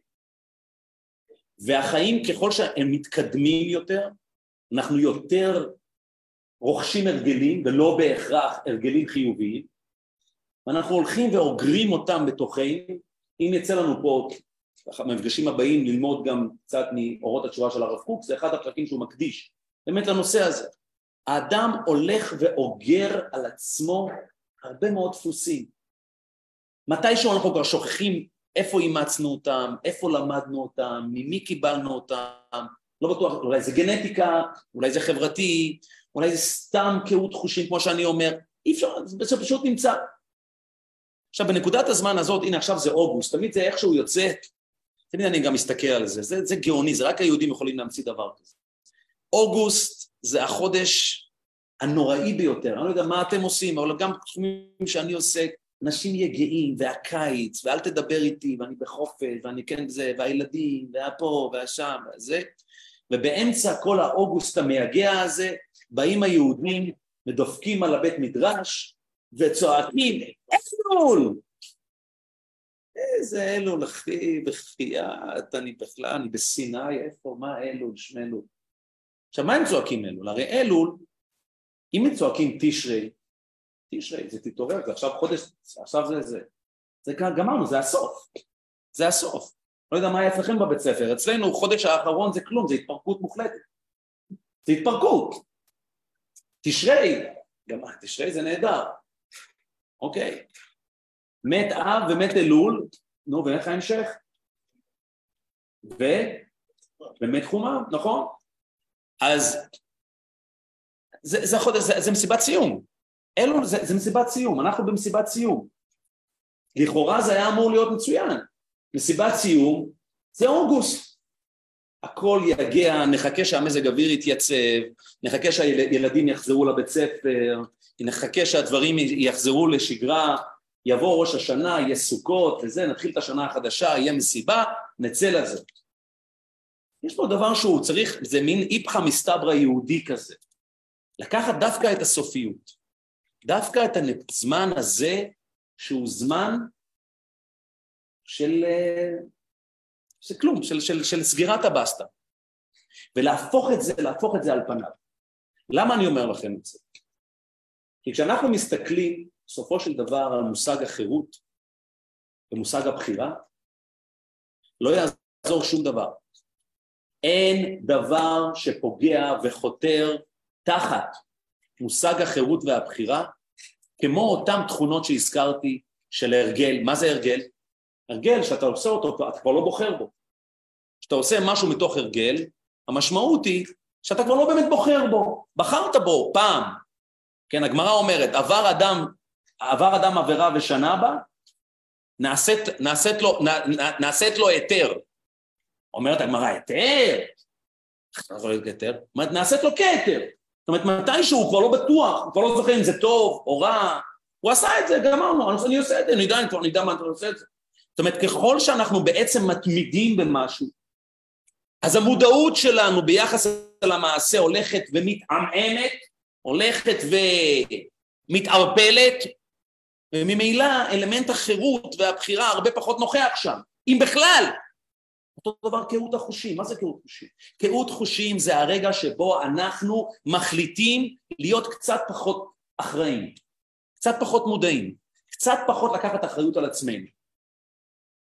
עכשיו זה נכון, הליברטה הזה שאנחנו כל כך מאמינים בו הוא בראש ובראשונה תובע לאחריות. הקושי הכי גדול של המהפכות במאה ה-19, גם של המהפכה הצרפתית, ולא פחות מכך המהפכה הבולשביקית, בתחילת, מאה שנים לאחר מכן, בתחילת המאה ה-20, היה שאנשים רצו חירות, וזו הייתה קריאה לחירות באמת שהדהדה בכל אירופה, בכל העולם.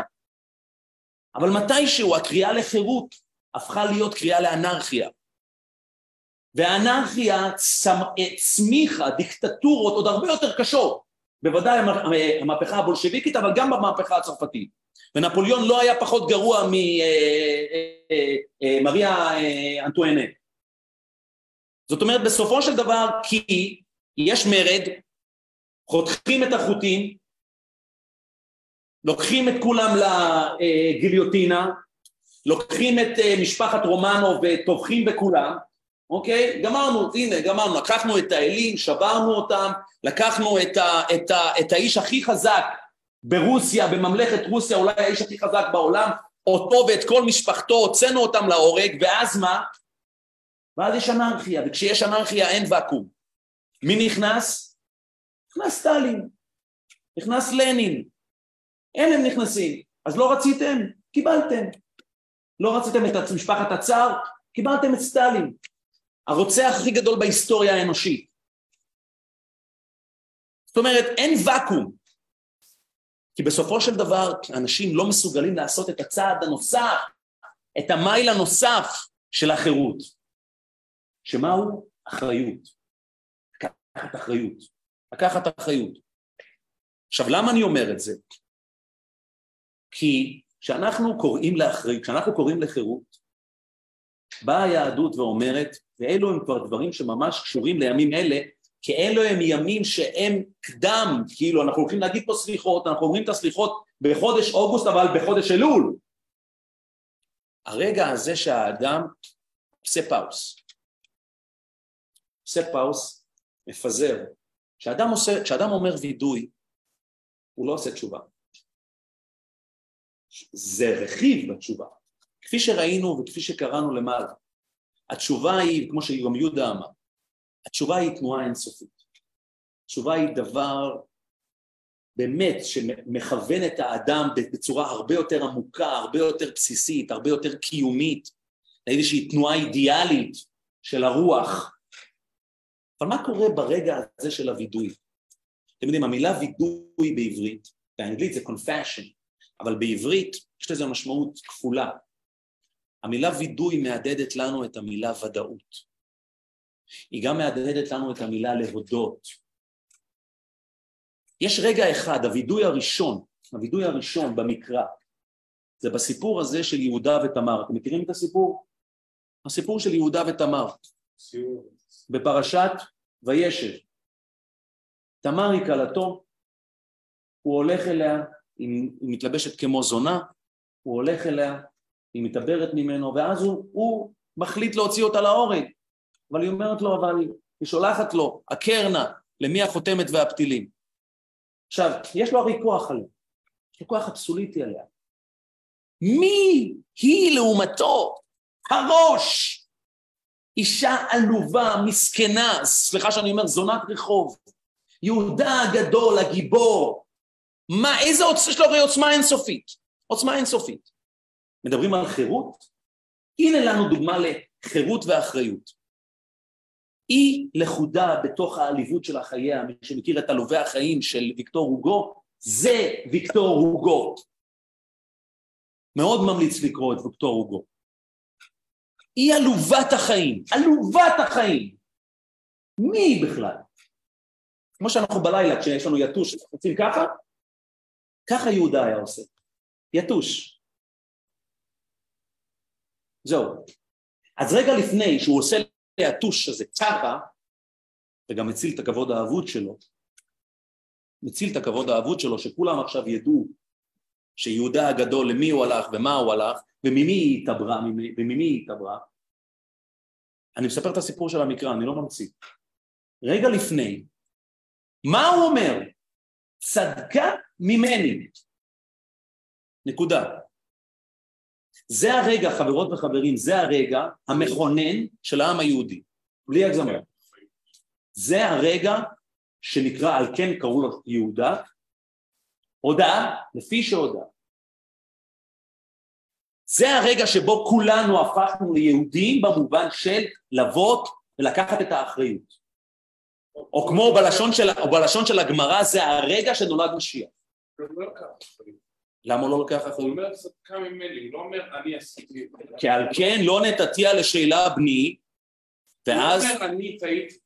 צדקה, לא, לא, היא צדקה ממני. היא צדקה, היא צודקת, אני טועה. חד משמעית. מאז ועד היום. וזה הרגע, וזה הרגע, זה הרגע, זה הרגע שנולד משיח. זה הרגע ש... זהו רגע לידתו של המשיח. זה הרגע שבו נולד מה שנקרא ניצוץ דוד המלך. זה הרגע של מלכות. מלכות זה כוח, אבל כוח עם אחריות. כוח עם אחריות. זה כוח. אז באותו רגע הוא זוכה, הוא זוכה, הוא זוכה למלוך. יהודה הוא כמובן מלך, גור אריה יהודה. קרא רבץ כארי וכלביא מי הקימם? לא יסור שבט מיהודה ומחוקק מבין רגליו. הוא הופך להיות המחוקק. הוא המחוקק. מה זה מחוקק? מי שלוקח אחריות. לא יסור שבט מיהודה, מה זה שבט? שבט, זה, זה, זה מי ששולט. הוא מסוגל לשלוט. כי הוא מסוגל גם לרסן את הכוח, והוא מסוגל לקחת אחריות. זה רגע הווידוי. זה הרגע שבו המציאות כמות שהיא, כי הרי אנחנו מקבלים את חוקי המציאות, וגם מקבלים את ההיררכיה, מקבלים את המעמד שלנו, נוח לנו. נוח לנו להיות בינוניים, נוח לנו בזה, זה נוח להיות בקונפורט זון שלנו, אזור הנוחות, אנחנו מקבלים את זה. אנחנו חיים ככה. עכשיו הקונפורט זון הוא לא בהכרח כזה קונפורט זון, הוא קונפורט זון כי מעולם לא אתגרנו אותו, לא אותו, את עצמנו. לא, ולא חצינו ולא העזנו קצת לחצות את הקווים. קצת ללכת לאיזשהו מקום שמערער את הכוח שלנו ותובע מאיתנו לקחת יותר אחריות, יותר מאמץ. אבל אנחנו שקועים, אנחנו כבר ככה. אנחנו באוגוסט, אנחנו בים. אבל הרגע הזה, שאנחנו רגע לפני דווקא ברגעי הדמדומים, 12 בלילה, בן אדם מה לך נרדם, קום קרא בתחנוני, בן אדם, אנחנו קמים ב-12 בלילה. אנחנו רגע אנחנו, וזה אני פה אני רוצה לחזור לנקודה של הווידוי. הווידוי הוא הרבה, מצד אחד הוא הרבה פחות דרמטי מהתשובה.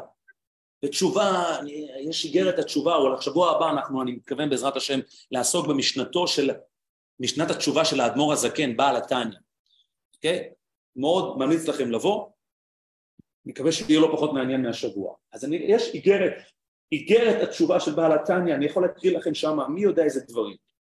זה נתפס מי שפעם ראה ספר תניא, אז בסוף ספר תניא יש איגרת התשובה. אז תשובה זה מסע, וכל אחד עושה את המסע שלו, והבירור וחשבון נפש, וכל אחד יש לו את המקומות שלו. וידוי, בפעם האחרונה שבדקתי, כולם אומרים את אותו וידוי, נכון? עכשיו לא רק זה, בבית כנסת גם אומרים גם וידוי קולקטיבי. כפי שאמרתי לכם, כפי שהזכרתי לכם, ביום כיפור 50% מהווידוי זה וידוי ציבורי, קולקטיבי, קהילתי. לא יחיד, לא, לא הפרט כאינדיבידואל, אלא קהילה, כקולקטיב. זאת אומרת, יש כאן משהו שכולם איכשהו גם מזדהים איתו, גנרי קוראים לזה, כן? משהו שהוא משותף. עכשיו, אומר, פה אני חוזר ל... כן? כמו שאמר הרמב"ם למעלה, בפרק ב' בסוף, וצריך להתוודות בשפתיו ולומר עניינות אלה שגמר, ש, ש, אה, שגמר בליבו. אבל על להתוודות בשפתיו, להגיד בעיני הרמב"ם זה עושה את כל ההבדל. ופה אני רוצה לחזור לנקודה הזאת שדיברנו בהקשר, לעשות את הלינקג' שבין מושג החירות למושג הווידוי. כי כפי שאמרתי לכם, בסופו של דבר העובדה שאנחנו לא בני חורים היא לא בגלל שאנחנו בהכרח קושרים את גורלנו בגורל של מישהו אחר. אנחנו פשוט באופן מודע או לא מודע מאבדים שליטה ונותנים לחיים להכתיב לנו. עכשיו זה לא שאנחנו, כמו שאני אומר, מסרנו את המפתחות של החיים שלנו עכשיו, החזרנו, חזרנו לבית של ההורים ועכשיו אנחנו אומרים להורים שלנו, עכשיו אתם תחזרו להכתיב לנו מה לעשות, מה לא לעשות. לא, ממש לא. אנחנו עושים, כן, אנחנו עושים. Who cares? We couldn't care less about בחירה, אנחנו פשוט לא, לא יכולים, זה לא, זה לא מעניין אותנו, זה לא נמצא שם. והרגע הזה, זה בעיניי הסיפור הגדול של הווידוי, ולכן הרמב"ם מוצא לנכון להפוך את הווידוי לגולת הכותרת של הלכות תשובה, אבל זה לא רק כפי שאמרתי לכם של הלכות תשובה, אלא של כל מושג האדם. למה? כי הרי מה בעצם קורה בווידוי? בווידוי אנחנו באים עכשיו חודש אלול, כן? אנחנו עם מטען משוגע של, של, של, של פעולות ומעשים והתנהגויות וכולי וכולי. עכשיו, אך טבעי שנדפדף, כאילו, דף חדש, דף חדש, תודה רבה. פותחים דף חדש, אמרנו new page, זהו, מתחילים דף חדש. מה בעצם עושה הווידוי? הווידוי לוקח את האדם ותובע ממנו רגע אחד של כנות, רגע אחד של יושר, רגע אחד שבו האדם נתבע ברטרוספקטיבה, דהיינו בהסתכלות לאחור, לבוא ולהגיד המעשה הזה היה מעשה לא נכון. זה רגע מאוד מאוד אינטימי של האדם עם המעשה שלו, שאומר על חטא שחטאתי לפניך. עכשיו שימו לב, יש כאן את תמצית הפרדוקס. האדם חוטא. האדם חוטא כישות עצמאית, כישות פרטית, כישות חירותית, אבל הוא מוסיף את המילה לפניך. מה בעצם המשמעות של המילה לפניך? לפניך זה אומר שאני לא פועל רק מול עצמי, אני פועל בתווך. אני פועל מול עצמי, אבל בו זמנית יש כביכול ישות של מולה אני פועל. הסימן הפותח, הסעיף הפותח, בשולחן ערוך, של רבי יוסף קארו, מה בעצם אומר? שכל הפעולות של האדם, כולל כאשר הוא יושב בבית הכיסא, כל הפעולות של האדם הן פעולות של ככה, ככה, ככה מתחיל שולחן ערוך, שיוויתי השם לנגדי תמיד. מכירים את הסעיף הפותח של, של שולחן ערוך? זה הסעיף הפותח. אולי כדאי לקרוא את זה. הסעיף הפותח.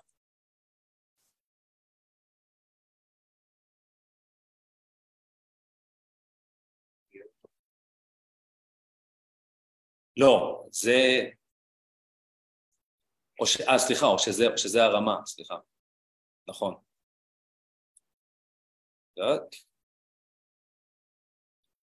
זה הסעיף. אתה צודק, השירה הזה התגבר כארי, נכון, ו... שיוויתי השם לנגדי תמיד, הוא כלל גדול בתורה ובמעלות הצדיקים אשר הולכים לפני האלוהים. כי אין ישיבת האדם ותנועותיו ועסקה והוא לבדו בביתו, בישיב... כישיבתו ותנועתה ועסקה והוא לפני מלך גדול ולא דיבורו והרחבת פיו כרצונו והוא, והוא עם אנשי ביתו וקרוביו כדיבורו במושב המלך. כל שכן שישים האדם מליבו שהמלך הגדול הקדוש ברוך הוא אשר מלוא כל הארץ כבודו עומד עליו ורואה מעשיו. כמו שנאמר אם יסתר איש במסתרים ואני לא אראנו נאום אדוני מיד יגיע אליו היראה וההכנעה בפחד השם יתברך ובושתו ממנו תמיד אגב, הציטוט, כל מה שהרמה אומר פה זה ציטוט אחד לאחד, הוא עושה העתק הדבק מדברי הרמב"ם במורה נבוכים, כן? חלק ג' פרק נ"ב. זה דברי הרמב"ם במורה נבוכים, שרבי משה איסרליש, הרמה, מוצא לנכון לשים את זה בסעיף הפותח של שולחן ערוך. מה אני, מה אני רוצה לומר? שבסופו של דבר כשאדם אומר חטאני לפניך, הוא בעצם מקבל שמצד אחד חטאתי ואני לוקח על זה אחריות, ואומר אני ניצב מול האל כאדם שהוא בעל בחירה, ולא סתם אדם בעל בחירה, בעל בחירה ובעל אחריות, אבל בו זמנית אני מכיר שלא פעלתי מול עצמי. אני מכיר שפעלתי מול ישות הרבה יותר גדולה ממני, ואני אומר על חטא שחטאתי לפניך. שורה תחתונה, הווידוי ממש לא עניינו תשובה. הווידוי עניינו לקחת את המעשה ולזקק אותו, ולתת למעשה מודעות, ולתת למעשה את המודעות הכפולה. מצד אחד מודעות שאני קשור למעשה, שזה מגיע ממני, שאני אחראי למעשה, אבל בו זמנית שהמעשה הוא מעשה שנעשה לפניך, ולכן הוא חטא, הוא חטא כי הוא נעשה לפניך בניגוד כביכול לרצונך. אם תרצו, הווידוי נושא בחובו את תמצית הקונפליקט שהרמב"ם מדבר בין הבחירה לבין הידיעה. כי האדם בחר, אז תגידו אם הוא בחר, אז זה לא חטא. התשובה היא, יש ידיעה. התשובה היא שהאדם נמצא בתווך שבין הבחירה לבין הידיעה. הסיבה שהרמב"ם לא פעל כעצתו של הרייבד ובחר להכניס את הקונפליקט הזה, ואם היה לי מספיק זמן גם הייתי מראה לכם איך זה נמצא גם בתשובה שהרמב"ם כתב. הוא בחר לעשות זאת מכיוון שהוא הבין שמהותה של התשובה שבאה לידי ביטוי עם הדגש על הווידוי, שזה נקודה, שזה אולי הנקודה הכי בסיסית, מפה האדם יכול לעשות תשובה, מפה הוא כבר יכול להיכנס למסע של תיקון, מפה הוא כבר יכול לעשות למעשה, מעשה של, זה נקרא אינטרוספקציה של לנבור בתוך עצמו לעשות חשבון נפש, לשאול את עצמו שאלות ראשוניות עמוקות מאוד על עצמו, על החיים, על המשפחה, על הקהילה, על הרבה מאוד דברים. וכמו שאומר יהודה, זה דבר שהוא אינסופי. והחשבון נפש הוא חשבון נפש אין, אין, שהוא, ש, שאין לו, שיש לו התחלה אולי, אבל ממש אין לו סוף. אבל וידוי הוא רגע מזוקק של הבנה של, של קריאה של טלטלה, של התעוררות. אם אנחנו מדברים על התעוררות, אז אני רוצה, ואנחנו ממש כבר לקראת סיום רבי יעקב,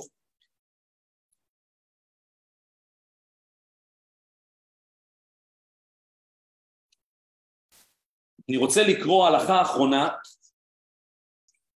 יש פה מתנדב בקהל לקרוא?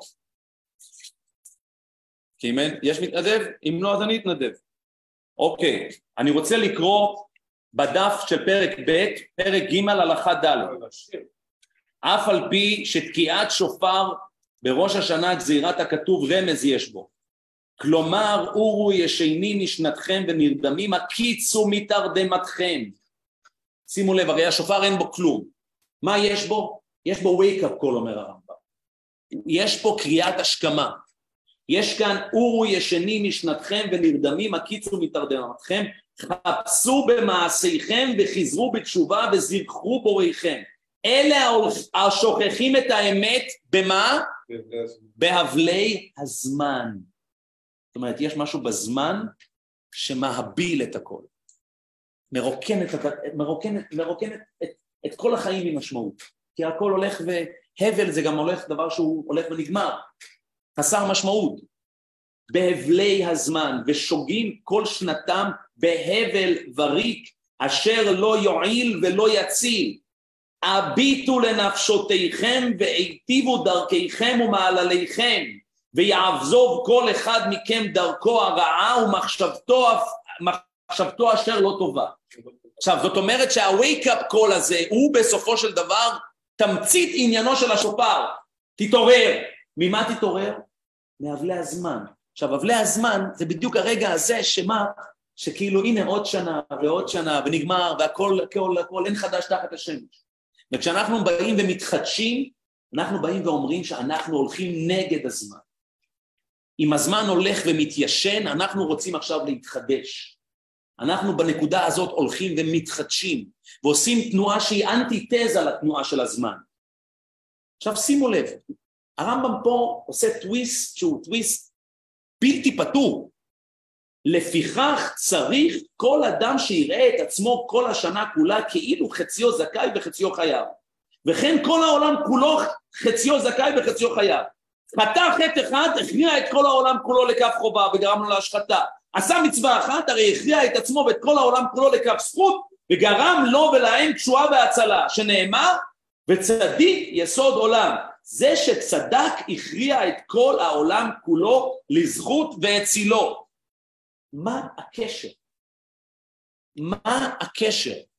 מה הקשר בין אלה שהולכים אחרי הזמן והם צריכים את ה-wake up call של השופר לבין העובדה שהאדם צריך לראות את עצמו, יש היום שבע וחצי מיליארד איש בעולם, אז שלוש נקודה שש, שש, שמונה הם חייבים, דהיינו הם טובים, שלוש נקודה שמונה הם רעים, והנה יש לנו חצי חצי, ואני בדיוק, בדיוק האחד זה שיכריע את העולם, אם הוא יהיה חייב או זכאי. מה הקשר? מה הקשר? מה זה קשור לשופר בכלל? הרמב"ם אומר, ומפני עניין זה נהגו כל בית ישראל להרבות בצדקה ובמעשים טובים ולעסוק במצוות מראש השנה ועד יום הכיפורים יתר מכל השנה. אני אגיד את זה רק בשורה אחת. זה לא באמת שהעולם הוא חצי חצי. אף אחד לא באמת נאיבי לחשוב שהעולם הוא חצי חצי, שהוא באמת עכשיו בדיוק עומד על התפר, ואם הוא יעשה עכשיו מצווה אחת, הוא הכריע את כל העולם לכף זכות. עשה עבירה אחת, הכריע את כל העולם לכף חובה. קשקוש. קשקוש, פשוט קשקוש. לא במובן הפשוט, זה state of mind של אחריות, שכל העולם עומד עליו. בעצם כאן הרמב"ם אומר שזה הלב של הרעיון של התשובה. הרעיון של התשובה שכל העולם עומד עליו. אתה חייב להיות במודעות שאתה ברגע אחד יכול להחריב את כל העולם, וברגע אחד יכול לתקן את כל העולם. וזה מודעות, זה תמצית המודעות של החירות. אם אנחנו רוצים לראות דוגמה מופתית איך נראית חירות במובנה האולטימטיבי של לקיחת האחריות, זאת הדוגמה. זאת הדוגמה שהאדם נמצא בתודעה שאין דבר יותר חשוב ממנו עלי אדמות, אין דבר משמעותי. עכשיו כל העולם, השלוש וחצי מיליארד מהצד הזה והשלוש וחצי מיליארד מהצד הזה, רק מחכים בנשימה עצורה לראות מה הוא יעשה. לא, הם לא מחכים. בראש שלך הם צריכים לחכות. בראש שלך אתה נמצא במצב שכל העולם עומד עליו. לפיכך נברא האדם יחידי. כל העולם עומד עליו. וזה תמצית עניין הווידוי. ולכן אומר הרמב"ם, כשהרמב"ם אומר עליו, מה זה ה-wake up call? ה-wake up call זה אומר, אתה חשוב, תתעורר, אתה חשוב. היחיד החשוב זה אתה. זהו. ה-wake up call זה אומר שיש פה, אתה הולך בהבלי הזמן, אתה, אתה חסר מודעות, אתה פשוט חסר מודעות. אתה פשוט הולך ומהביל את עצמך ואת חייך, למה? לא בגלל שאתה אדם רע, בגלל שסתם נכנסת כבר לשגרה הזאת. אני רוצה לסיום ממש לקרוא לכם מתוך התפילה, שהיא תפילה, אולי, ישעיהו לייבוביץ' היה אומר שזאת התפילה הכי משמעותית של יום אפשר גם להבין גם למה, הכי משמעותית של כל התקופה של ימים נוראים. היא התפילה החותמת את תפילת נעילה, ולמעשה התפילה החותמת את יום הכיפורים.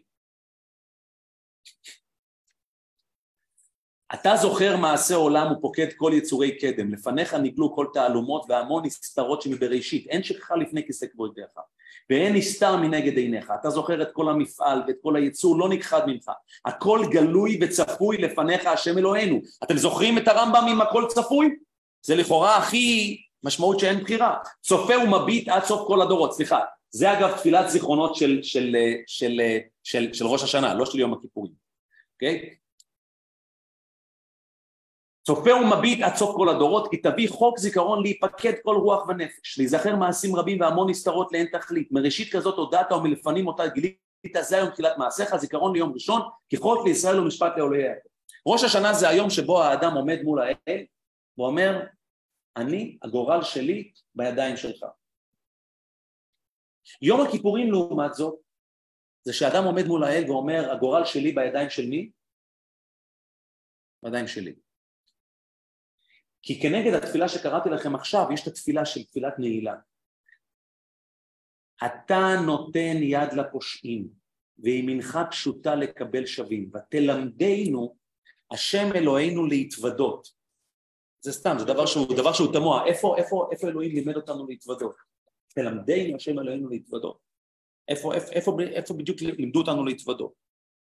כאן בא המשפט, משפט מיד מגיע, המשפט שבעצם מסביר לנו איפה כביכול למדנו להתוודות.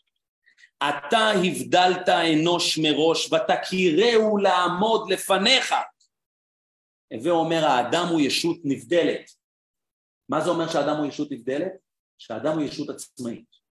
אבל, ותכירהו לעמוד לפניך, לא לעמוד לפני עצמו, זאת אומרת אתה מבדיל אותו, אתה עושה אותו יחידי, כמו שהרמב"ם אומר שהאדם הוא יחידי, אבל בו זמנית ותכירהו לעמוד לפניך, זאת אומרת להקי, לגרום לו להבין שהוא לא עומד מול עצמו, לגרום לו להבין שהוא עומד לפניך.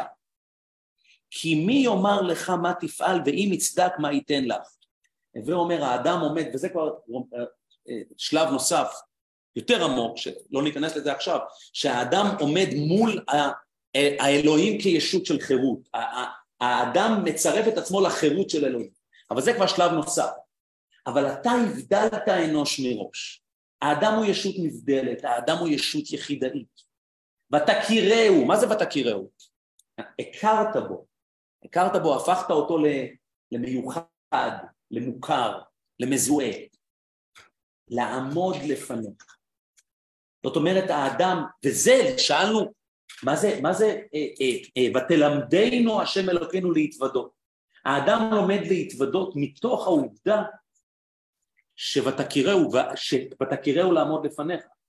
כי, ה, כי, כי, כי אם לא היה לו מודעות, הוא לא היה מסוגל להתוודות. הוא מסוגל להתוודות כי הוא מסוגל להכיל את הדיכוטומיה הזאת, את הסתירה הזאת.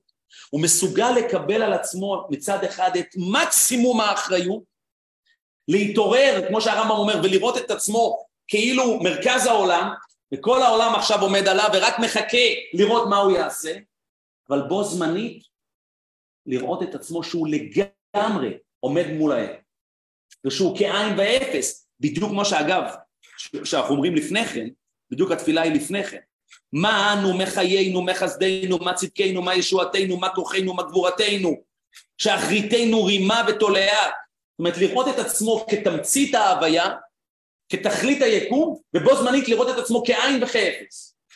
וזה תמציתו של הסיפור של הווידוי.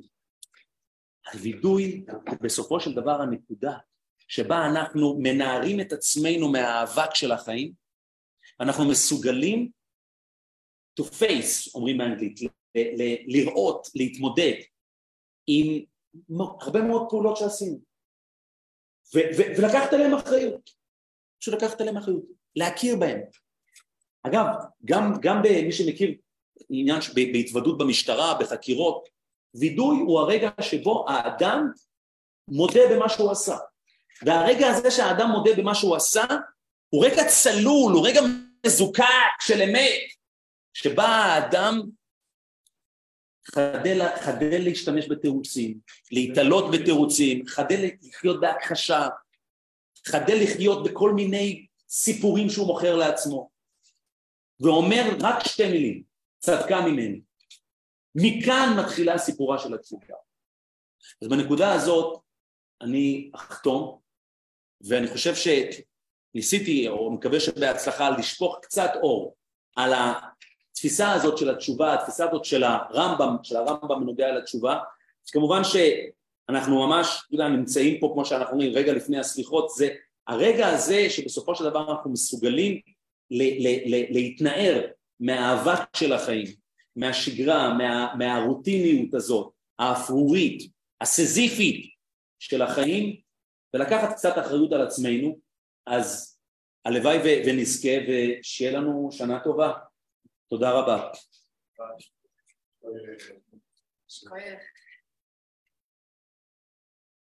דיון